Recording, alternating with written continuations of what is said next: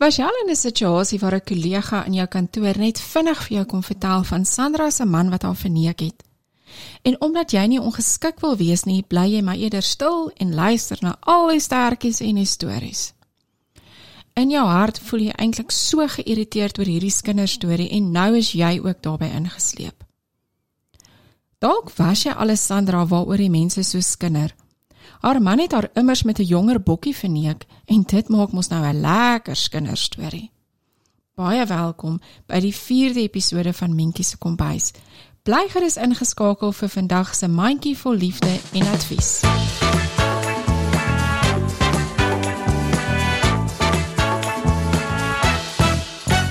Baie welkom by Mentjie se kombuis, 'n heerlike kook- en leefstyljoernaal in Afrikaans. Hier gesels ons land en sand om die kombuistafel oor al die lekker dinge van die lewe. Ons deel resepte, reis en fotografie wenke en die lekkerste hartspraatjies om ons gemotiveerd deur die jaar te kry. As jy 'n begeerte het om 'n lewe te skep wat goed voel aan die binnekant, dan is hierdie geselsprogram net vir jou. Gaan teken gerus aan op jou gunsteling potgooi toepassing en geniet die weeklikse reis saam met ons. Kom ons verwelkom nou ons kletskoningin Minky du Toy.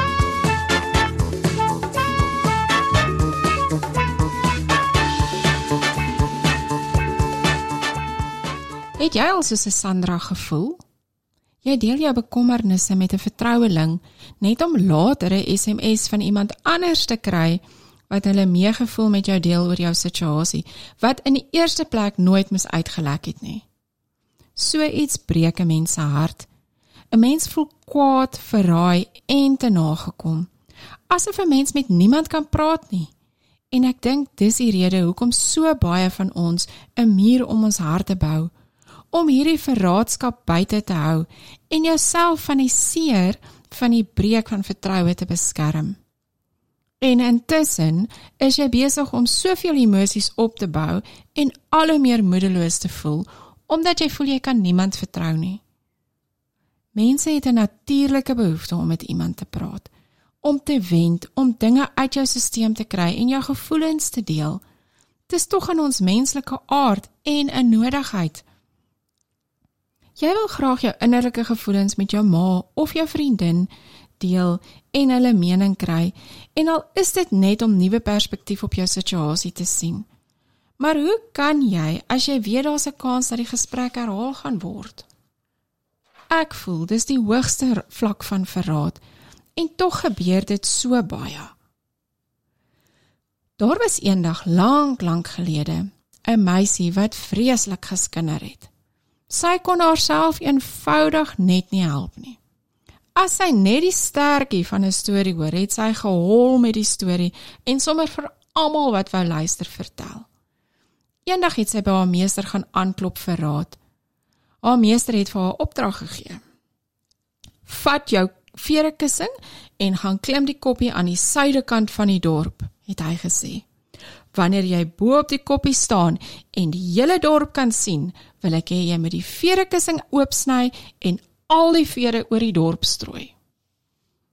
Die meisie het toe die volgende oggend vroeg opgestaan en getrou die koppie suid van die dorp met haar verekussing uitgeklim.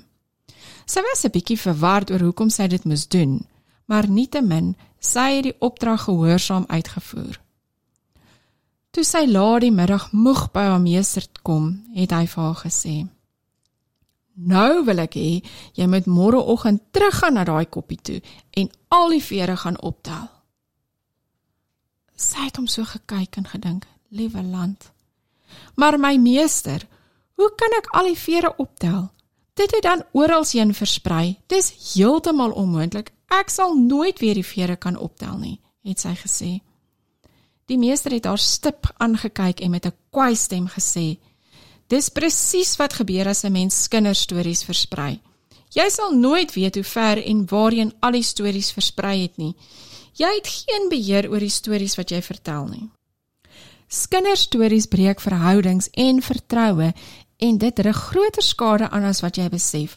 Hou dadelik op daarmee, het die meester beveel.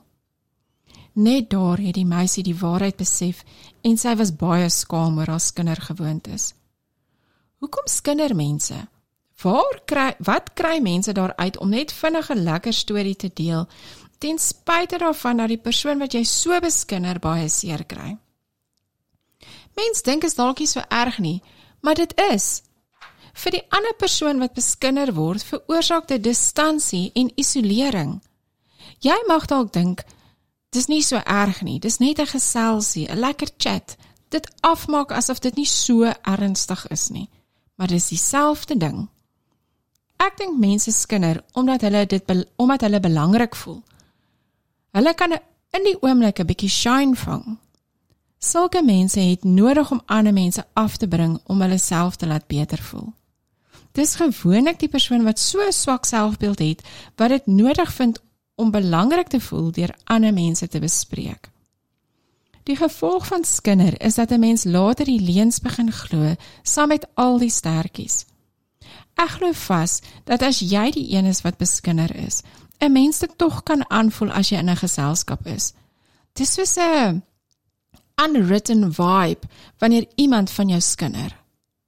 'n kinderry skeer vriendskappe uitmekaar. Dit breek vertroue en veroorsaak 'n bitter smaak in jou mond. En wanneer jy in jou kantoor sit en maar stil bly ter wille van die vrede, neem jy eintlik deel aan die geskinder. 'n Mens moet die persoon net daar stop en doelbewus sê jy stel eenvoudig nie belang nie. Mens moet mense leer hoe om jou te hanteer. Wat is aanvaarbaar en wat is nie? Dit het immers vir my gewerk. Mense is nie juis baie gewild nie, maar ten minste offer 'n mens nie jou vertroue en integriteit op vir 'n vinnige oomblik van skinder nie.